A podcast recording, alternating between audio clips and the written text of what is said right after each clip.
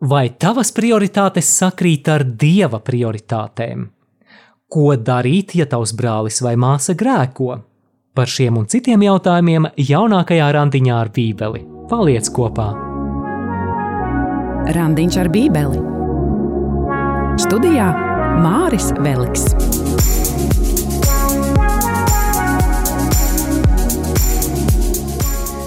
Dieva tēva un dēla un svētā gara vārdā Āmen. Kungs, mēs pateicamies, ka atkal varam pulcēties, lai lasītu tavu vārdu. Nevienmēr tavs vārds mums ir viegli saprotams, tādēļ arī šajā turpmākajā pusstundā mums būs ļoti vajadzīga tava palīdzība. Mēs lūdzam, nāc svētais gars, esi tu mūsu skolotājs Esi tu tas, kas atklāja dieva vārda dziļumus un palīdzi mums saskaņā ar šo vārdu dzīvot caur Jēzu Kristu mūsu kungu. Āmen! Svētais Matei lūdz par mums! Uzmanību!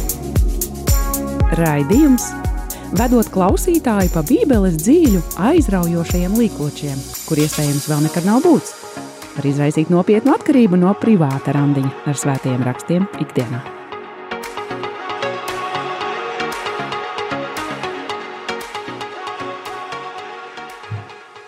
Vai esi ievērojis, klausītāji, cik bieži dieva vārdā dieva vārds ir salīdzināts ar ēdienu? Ne no maizes viens cilvēks dzīvo, bet no, pabeidz teikumu, jā, no katra vārda, kas iziet no dieva mutes. Šoreiz randiņa ar Bībeli ēdienkartē Mateja evaņģēlija 18. nodaļas atlikusī vēl pagaidām mums raidījumā neizlasītā daļa. Studēsim Mateja evaņģēlija 18. nodaļu no 12. līdz 20. pantam. Tad nu varam vaļā Mateja evaņģēlija 18. nodaļu, Protams, nedarām to, ja šobrīd braucam pie stūres, un arī, ja varbūt virtuvē mizos īpolus vai griez kartupeļus. Ja tev šobrīd nav iespējas atvērt savu bībeles eksemplāru un sekot līdzi, Mateja 18. nodaļā par to nepārdzīvo. Ja šis raidījums skan paralēli tavām dienas aktivitātēm, taviem darbiem, tad esmu pārliecināts, ka klausoties šo raidījumu, tu iegūsi to, kas tev vēlāk palīdzēs privātajos randiņos ar Bībeli. Šīs dienas svēto rakstu porciju mēs lasīsim pa daļām. Pirmais segments būs līdzība par pazudušo avi, otrais - ko darīt, ja brālis grēko, un trešais par baznīcas autoritāti. Vai esam gatavi? Halo! Jā, jā, jā, man šķiet, ka esam gatavi. Tad nu sākam ar mūsu pirmo segmentu - līdzība par pazudušo avi. Lasām Mateja 18 no 12. līdz 14. pantam. Kā jums šķiet, ja kādam cilvēkam ir simts avju un viena no tām nomaldās, vai viņš neatstās tā 99 kalnos un neies meklēt to, kas nomaldījusies? Un ja viņš to atrod, patiesi es jums saku, viņš vairāk priecājas par to, nekā par 99, kas nav nomaldījušās. Tāpat nav arī jūsu debes tēva griba, ka viens no šiem mazajiem pazustu – Pirms es komentēju šo dieva vārda porciju, mazliet pakāpsimies solīti atpakaļ un atcerēsimies, par ko mēs lasījām Mateja evaņģēlija 18. nodaļā iepriekš. Viena no tēmām, ko mēs apspriedām raidījumā, ir Jēzus brīdinājums par to, cik svarīgi ir neiejaunot mazāko. Mateja 18.6. mēs lasījām, kas apgreicina vienu no šiem mazākajiem, kas tic uz mani, Tam būtu labāk, ja tam uzkārtu dzirnakmeni kaklā un, ak, vai cik skarbi, un to noslīcinātu jūras dziļumā. Vai desmitajā pantā bija vārdi: Pielūkojiet, ka jūs nevienu no šiem mazākajiem nenonicināt. Citiem vārdiem sakot, mums ir ļoti liela atbildība par mūsu brāļu un māsu dvēselēm. Vienai no mūsu prioritātēm būtu jābūt mūsu brāļu un māsu pestīšanai. Vēl jo specifiskāk tie ir tie cilvēki, kas mums ir uzticēti. Piemēram, vecākiem tie ir bērni, skolotājiem tie ir skolēni, priesteriem tā ir draudzene, bīskapiem tā ir priesteru kopiena diecēzē, un tā tālāk. Un vai mums, ja mēs darām kaut ko tādu, kas apdraud šo vismazāko dvēseles pestīšanu? Kāpēc tas ir tik svarīgi? Uz to mums atbildi sniedz Jēzus līdzība par pazudušo avi, kuru pirms brīža lasījām no 12. līdz 14. pantam. Gans atstāja 99 avis, lai meklētu vienu pazudušo. Bet ne jau par lopkopību ir šis stāsts. Šī ir līdzība, kas attēlo to, cik prioritāra ir viena pazudušā cilvēka dvēseles glābšana debesu tēvam. Jēzus to komentē 14. pantā. Tāpat nav arī jūsu debesu tēva griba, ka viens no šiem mazajiem pazustu.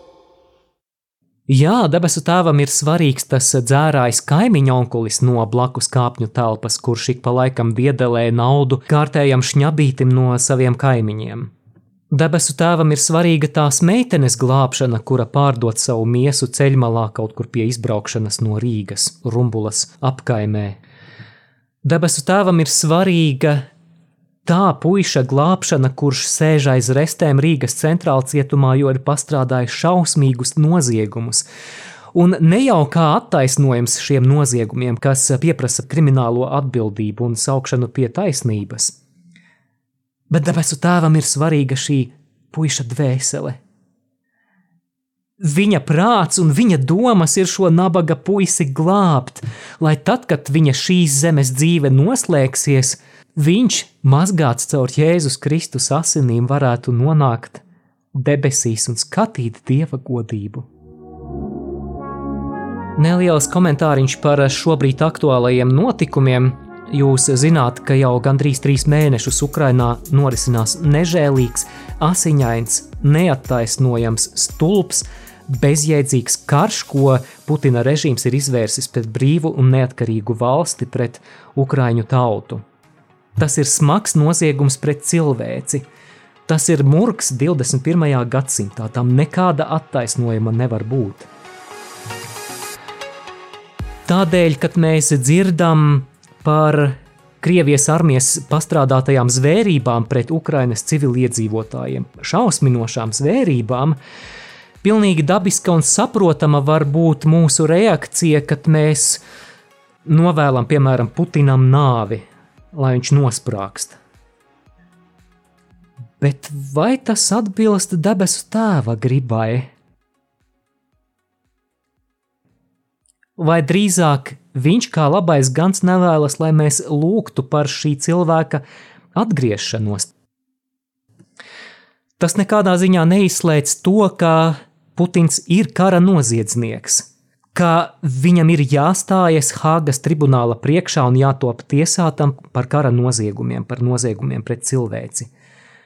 Taču tajā visā jāatcerās, ka debesu tēva prāts ir, lai kā mums nepatiktu šis personāžs, lai kādas izjūtas tas mūsos neradītu, ka debesu tēva griba ir izglābt viņa dvēseli. Tādēļ viņš kā labais gans ir gatavs atstāt tās 99 avis, un meklēt šo pazudušo. Viņš ir gatavs nokāpt kaut kur dziļi Krievzemē, bunkerī, kur šis kara noziedznieks slēpjas savā paranojā, pieķēries pie rakstām galda un pieklauvēt pie viņa dvēseles.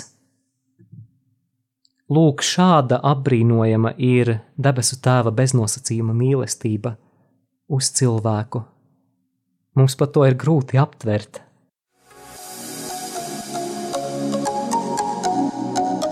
Skan Randiņš ar Bībeli. Tad, nu, ieliekot šo līdzību par labo ganu, kurš meklē avi, kontekstā ar iepriekšējo tēmu par to, cik svarīgi ir nekļūt par ieļaunojumu mazākajam, tātad eh, mūsu brāļa vai māsas dvēselē, neapdraudēt šī cilvēka pestīšanu, varam secināt tā, tēze ir šāda. Ja debesu tēva prioritāte ir pazudušā atrašana un glābšana, tad arī mūsu prioritātei ir jābūt mūsu brāļa un māsas dvēseles labklājībai un dvēseles pestīšanai. Kā dzirdētais attiecas uz manu dzīvi? Pirmkārt, es domāju, ka mēs varam paņemt līdzi atziņu, ka tas cilvēks, kurš mani besī ārā, tas cilvēks, kuru man ir grūti pieņemt, ka Dievam šis cilvēks ir ļoti, ļoti dārgs. Līdz ar to rūpēm par mūsu brāļa un māsas dvēseles labklājību, par dvēseles glābšanu, jābūt arī mūsu prioritātei. Kā mēs to varam īstenot? Turpmāk, lasot šo Mateja evaņģēlija 18. nodaļu, mēs redzēsim divas atbildes. Viens no veidiem, kā mēs varam rūpēties par otra cilvēka dvēseles labumu, ir runāt ar šo cilvēku. Mēs eh, arī tulīt lasīsim par to, ka sākumā mēs runājam aci pret aci, tad, ja mūs neklausa, tad mēs aicinām citus, un visbeidzot augstākā instance ir baznīca, draudzene.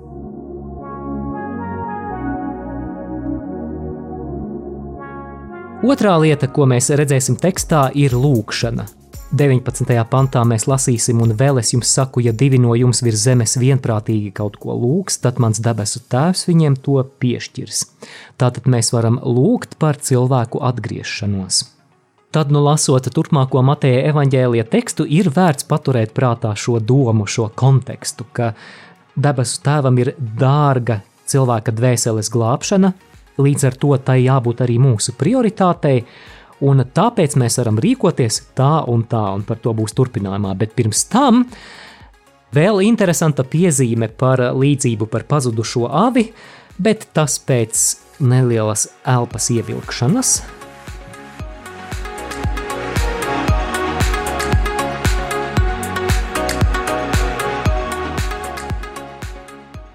esam mazliet aizkavējušies pie līdzības par pazudušo avi, bet es tomēr vēl gribēju norādīt vienu lietu, kas man šķiet interesanti lasot svētos rakstus, ir tas, kā svētie raksti, vecā derība un jaunā derība saslēdzas vienotā simfonijā. Kā jauno derību lasot, mēs varam pamanīt vecās derības pavadienus, vecās derības tēlus. Savukārt jaunās derības notikumos mēs varam saskatīt atblāsmu no vecās derības sižetiem un tēliem. Līdzība par pazudušo avi nav izņēmums. Par gana tēlu Bībelē varētu veikt pamatīgu Bībeles studiju. Tas varētu būt kāds no nākotnes raidījumiem randiņā ar Bībeli, bet es vēlos norādīt tikai uz dažiem piemēriem. Kas par to teikts citās raksturvietās? 23. psalms. Tas kungs ir mans gans, man netrūkst nenieka. Dievs šeit ir salīdzināts ar ganu, kurš cilvēku vada zālainās ganībās un par viņu rūpējās.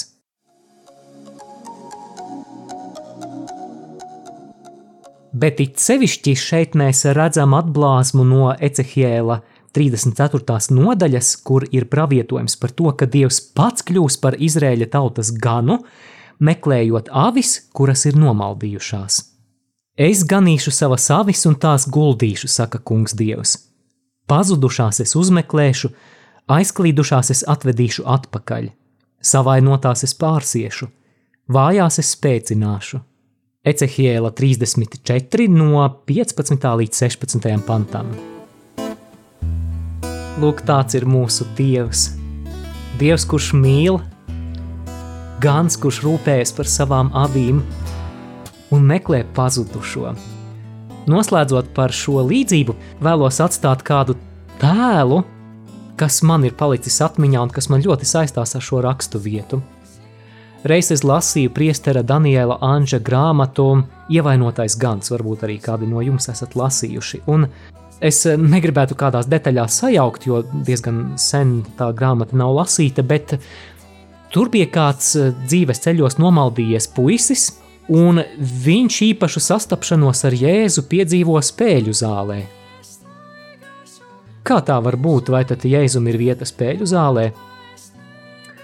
Lūk, tāds ir šis labais gans, kurš ir gatavs atstāt 99 avis un aiziet kaut vai līdz spēļu zālē, lai atrastu to vienu pazudušo.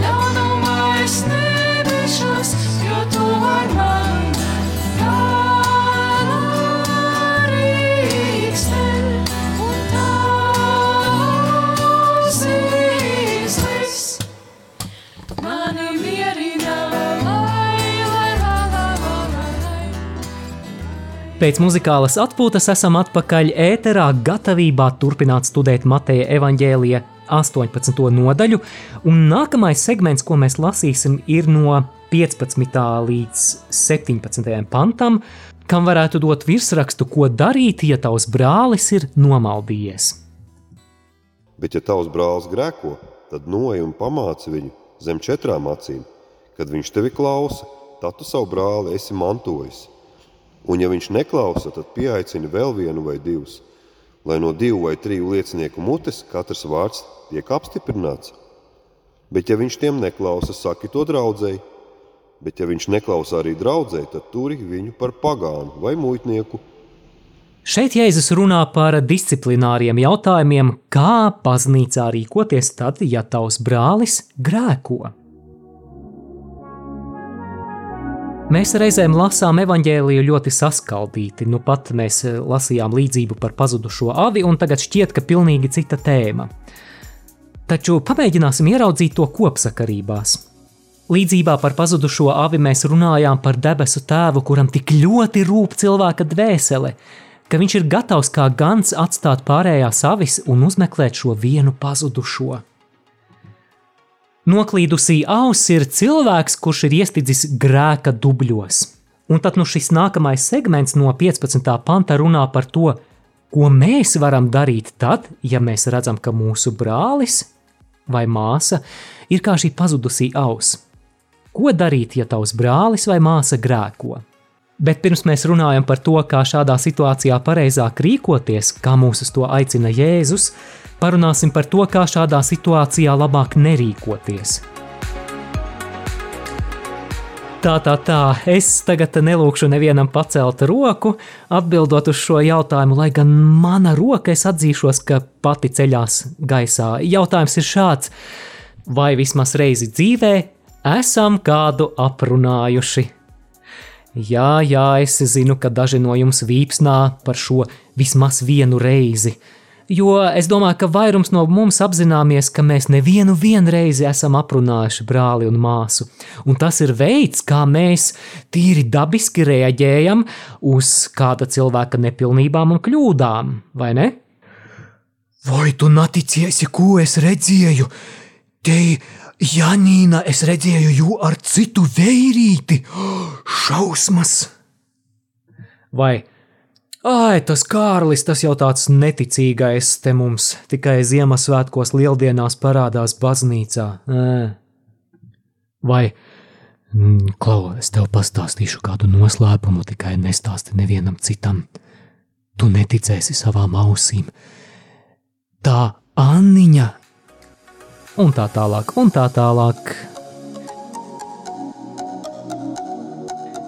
Jēzus aprunāšanas vietā piedāvā daudz jēdzīgāku risinājumu. Nu, pirmkārt, jau aprunāšana nelabo situāciju. Tā apmierina kādu mūsu aprunāt kāri, bet tas noteikti nav garīgais žēlsirdības darbs pret šī cilvēka dvēseli. Savukārt, no nu pat dzirdētajiem Jēzus vārdiem mēs varētu izvilkt šādu principu: klausies, labāk parunāt nekā aprunāt. Vēlreiz, labāk parunāt nekā aprunāt. Protams, ka šai parunāšanai ir jābūt eh, līdzjūtībā un žēlsirdībā pret šo cilvēku ar vēlmi šim cilvēkam palīdzēt, nevis šo cilvēku pazemot, vai nokaunināt, vai nokritizēt, vai kā citādi morāli pazemot. Princips labāk parunāt, nevis aprunāt, būs efektīvs tad, ja mēs tam pieiesim ar labā gana sirdi, kurš nevēlas, lai šī avs pazustu un ietu bojā. Jēzus Mateja evaņģēlijā 18. nodaļā no 15. līdz 17. pantam runā par vairākām instancēm šajā parunāšanas procesā, un pirmā instance 15. pantā ir runāt, ka esat divatā, aci pret aci. Ilustrēšu ar kādu izdomātu piemēru. Iztēlosimies, ka ir Jānītis un Jurītis, un viņi ir vienas draudzes locekļi.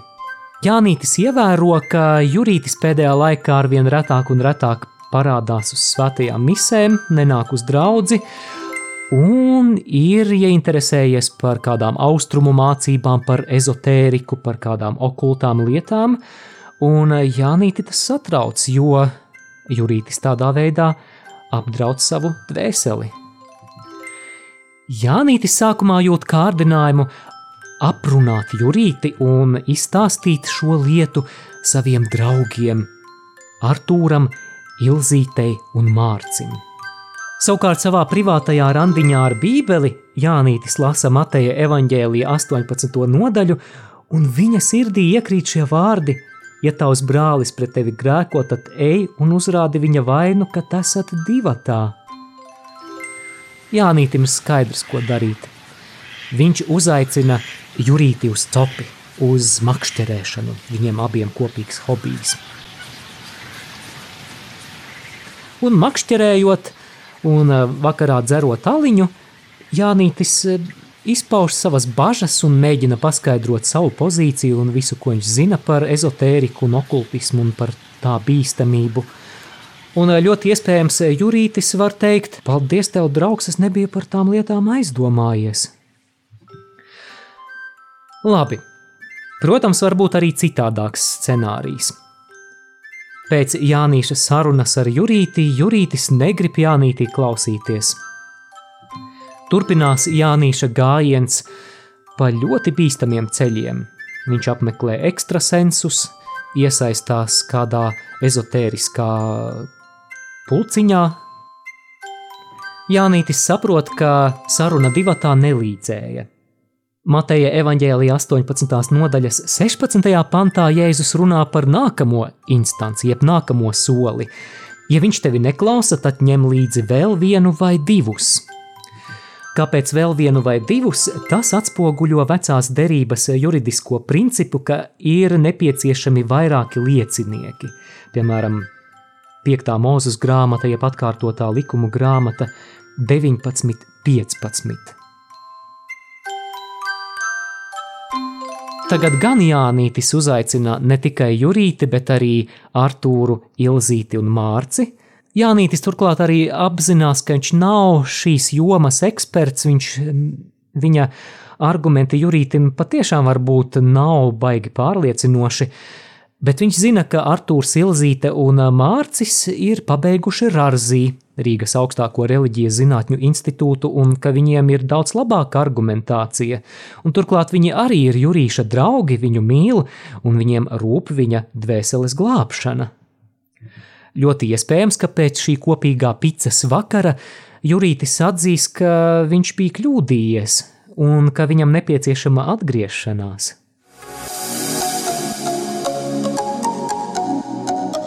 Skan randiņš ar bībeli.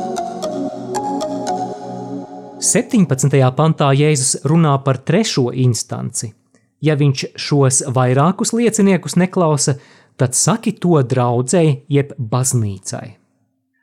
Tas man atgādina to, ka baznīca kādos ārkārtējos gadījumos par ļoti smagiem pārkāpumiem cilvēku var izslēgt no baznīcas, to sauc par ekskomunikāciju. Arī šajā 17. pantā rakstīts, ja viņš neklausa draugu, tad uzskati viņu par pagānu vai muitnieku.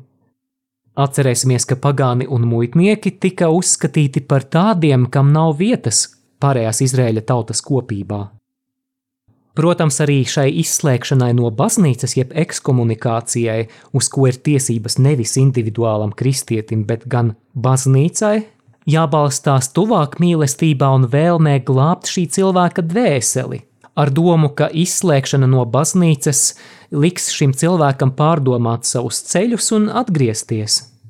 Bībelē mums tam ir kāds piemērs. Pirmās vēstules korintiešiem 5. nodaļas sākumā Pāvils, rakstot Korintas draudzē, norāda uz kādu šīs draudzes locekli, kurš dzīvo netiklībā ar sava tēva sievu. Un eh, Pāvils saka, būdams klāt nevis miesīgi, bet garīgi, es jau esmu notiesājis to, kas tā darījis, it kā es pats būtu klāt. Kad jūs sapulcēsieties mūsu kunga Jēzus vārdā, un mans gars tur būs klāt, lai mūsu kunga Jēzus spēkā viņš tiek nodots sātanam miesas iznīcināšanai. Visdrīzāk, ka šeit runa ir par izslēgšanu no draudzes, jeb ekskomunikāciju, bet tālāk piebilde, bet gars, lai tiek izglābts kunga dienā.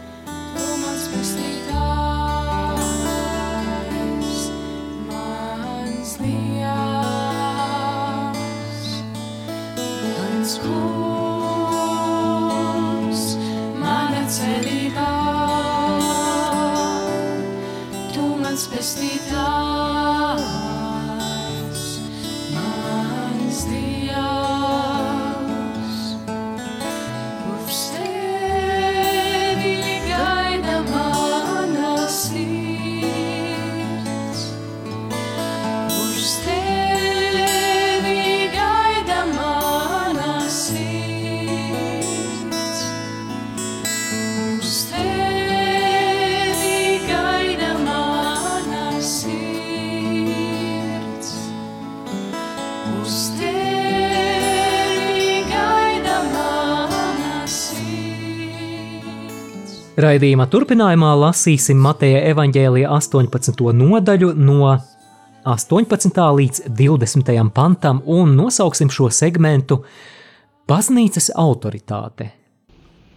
Patiesi es jums saku, ko vien jūs virs zemes siesiet, tas būs siets arī debesīs. Un ko vien jūs virs zemes atraisīsiet, tas būs atraisīts arī debesīs. Atkal es jums saku, ja divi no jums virs zemes ir vienā prātā, kaut kādas lietas labad, ko tie grib lūgt, tad mans debes tēvs to viņiem dos. Jo kur divi vai trīs ir sapulcējušies, manā vārdā, tur es esmu viņu vidū.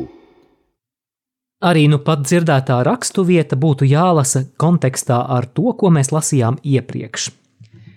Ja brālis grēko un ja viņš neklausa arī draudzē, jeb baznīcai, grieķu eklēzija, viņš var tikt izslēgts no baznīcas kopienas, jeb Jēzus vārdiem sakot, uzskatīts par pagānu vai muitnieku. Skarbs risinājums, vai ne? Bet vai tiešām baznīcai, šai kristiešu kopienai, ir tiesības tā rīkoties? Jā, Jēzus to apstiprina 18. pantā. Patiesi es jums saku, ko vien jūs virs zemes siesiet, tas būs siets arī debesīs. Un ko vien jūs virs zemes atraisīsiet, tas būs atraisīts arī debesīs. Kaut kur jau iepriekš Mateja evaņģēlijā lasīti vārdi, vai ne? Mateja 16. nodaļā Jēzus ļoti līdzīgus vārdus adresē apustulim Pēterim. 16. nodaļa, 19. pants: Es tev došu debesu valstības atslēgas, tas, ko tu siesi virs zemes, būs siets arī debesīs, un tas, ko tu atraisīsi virs zemes, būs atraisīts arī debesīs. 16. nodaļā šī vara tika uzticēta apustulim Pēterim kā klintī, uz kuras tiks būvēta baznīca. Savukārt šeit, 18. nodaļā, līdzīga autoritāte tiek uzticēta arī baznīcai kā kopienai. Komentāru par šo rakstu vietu atrodama arī Katoliskās baznīcas katehismā, starp citu, 553. paragrāfs no tā es vēlos nocitēt. Tā.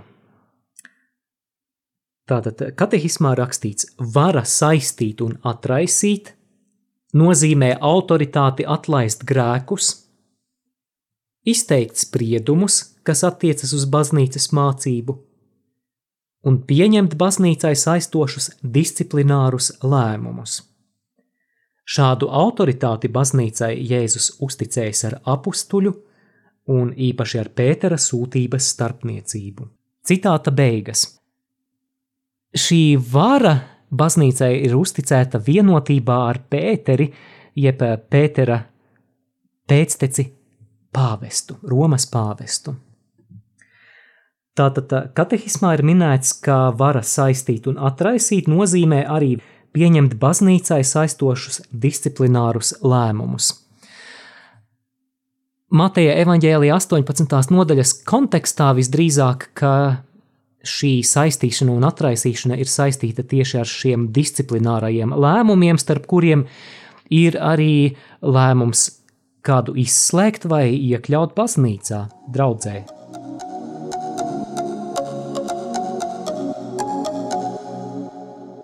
Joprojām turpinām paturēt prātā, ka konteksts šeit ir rūpes par cilvēka dvēseli, par cilvēka dvēseles glābšanu, kas ir viena no debesu tēva prioritātēm, kurš ir gatavs atstāt 99 avis un iet meklēt to pazudušo. Mums šim paraugam ir jāseko, un kā mēs lasījām, tas, ko mēs varam brāļa un māsas labā darīt, nevis aprunāt, bet parunāt. Otrā lieta, ko mēs varam darīt brāļa un māsas labā, atrodama 19. pantā. Klausāmies!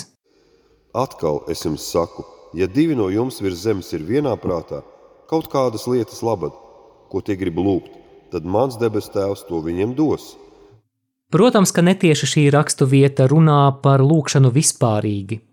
Tā apstiprina to, ka ļoti spēcīga ir vienprātīga lūkšana.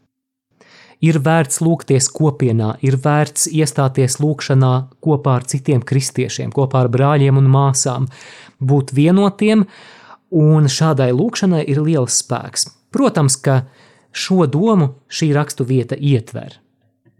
Taču Mateja evaņģēlija 18. nodaļas kontekstā arī šis pants patiesībā ir par mūsu rūpēm, par otra cilvēka dvēseles labumu un par dvēseles glābšanu.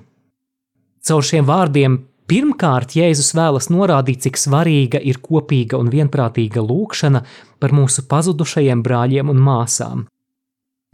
Šādai lūkšanai ir liels spēks ne tikai šīs vienprātības dēļ, bet liels spēks arī īpašas Jēzus klātbūtnes dēļ, kā mēs to lasām 20. pantā. Jo kur divi vai trīs ir sapulcējušies, manā vārdā, tur es esmu viņu vidū. Kad Kristus mācekļi sapulcējas viņa vārdā, tad Jēzus apsola savu klātbūtni viņu vidū. Man ļoti patīk to apzināties, kad es lūdzos kopā ar kādiem citiem cilvēkiem. Tu nāc kopā Jēzus vārdā, lai pavadītu laiku lūkšanā, lai slavētu, lai aizlūgtu, un wow, cik tas ir apbrīnojami, ka Jēzus ir apsolījis un viņš savu solījumus pilda, ka viņš šeit ir klātesošs īpašā, vārdos neizsakāmā veidā.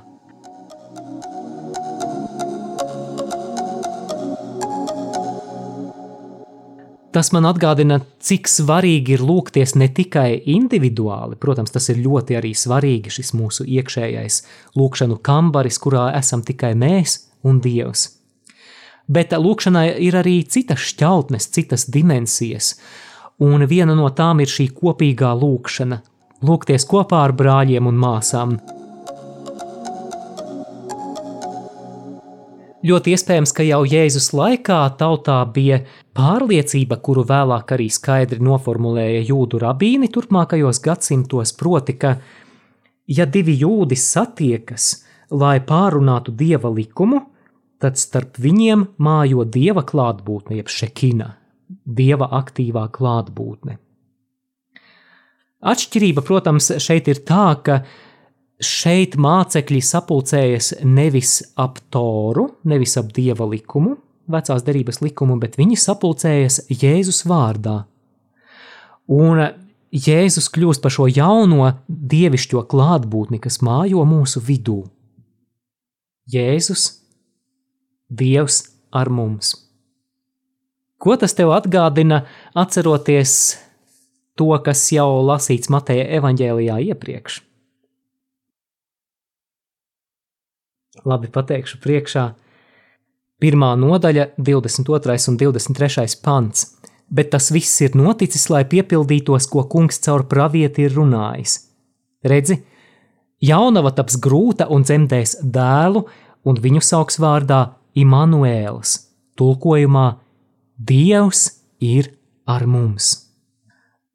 Apbrīnojama un skaista patiesība, ka Dievs Jēzus personā ir mūsu vidū. Un interesanti, ka tas ir arī viens no Mateja evaņģēlija pavadieniem, kas ik pa laikam tekstos uzpeld.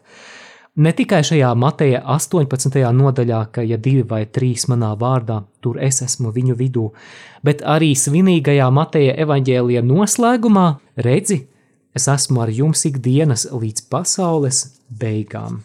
Mateja 28, 20. Tēma par dieva klātbūtni mūsu vidū atspoguļo arī vecās derības tēmu par dievu, kurš mājo savas tautas vidū. Varat eh, pierakstīt un vēlāk izlasīt, piemēram, Ecehiela 43, 7, Joēla 2, 27, Zaharija 2, 10, 11. Kā dzirdētais attiecas uz manu dzīvi? Es atgādināšu domu, ko jau minēju raidījumā, ka, ja tavs brālis vai māsa grēko, labāk ir parunāt, nevis aprunāt. Labāk ir parunāt, nevis aprunāt.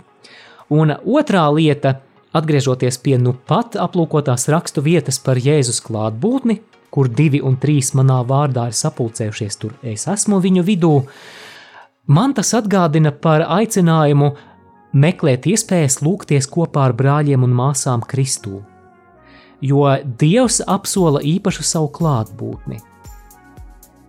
Dārgais brāli, dārgā māsa, man ir tā sajūta un pārliecība, ka viena no garīgās atzimšanas, jeb garīgās atmodas pazīmēm ir lūkšanu grupu dzimšana.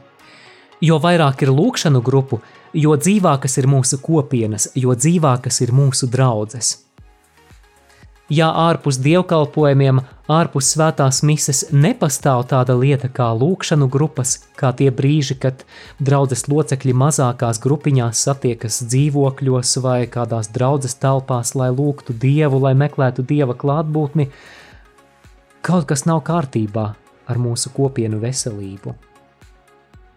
Tad no šī pēdējā praktiskā doma, praktiskais pielietojums ir meklē iespējas lūgties ar citiem brāļiem un māsām ne tikai dievkalpojumā.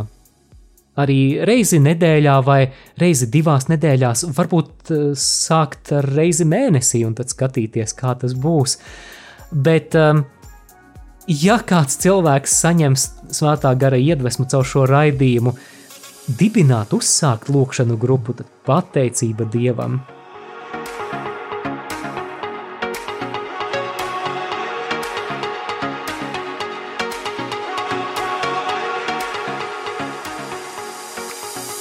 Paldies par klausīšanos! Ja klausies šo raidījumu internetā un ja esi ticis līdz beigām, tad es tevi apsveicu, uzspied īkšķīti, padot tālāk, eh, nošēro savā profilā, lai radio Marija misija aizsniegtu arī tos cilvēkus, kur ikdienā radio neklausās. Noslēgsim ar lūkšanu. Es vēlos lūgt par tevi, mīļo brāli, mīļā māsa. Dieva tēva un dēla un svētā gara vārdā Āmen. Lūdzu, nāc svētais gars, svētī ikvienu klausītāju, piepildi viņus no jauna ar savu klātbūtni, ar savu prieku, ar savu mieru, lai notiek dziedināšanas zīmes un brīnumi, lai tu atklāji debesu tēva bezgalīgo mīlestību, labā gana mīlestību, un, eh, Kungs Jēzu, palīdzi mums meklēt tavu klātbūtni arī kopīgā lūkšanā. To mēs lūdzam Jēzu tavā svētajā vārdā. Āmen! Dieva tēva un dēla un svētā gara vārdā Āmen! Jūs dzirdējāt raidījumu Randiņš ar Bībeli. Savas atsauksmes, ieteikumus un jautājumus sūtiet uz raidījuma e-pastu randiņš ar bībeli at gmail.com. Iepriekšējās raidījuma epizodes var atrast arhīvā.